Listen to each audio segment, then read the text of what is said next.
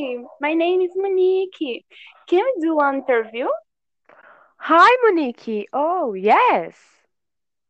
Okay. Um, do you like to watch sports on TV? I don't like it. I prefer to watch it instead.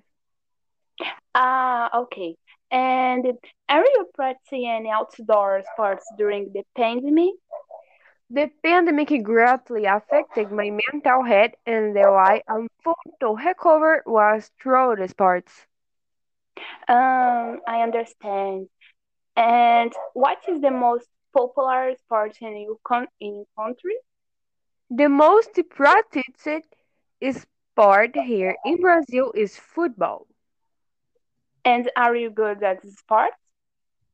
Not much, but I started to practice.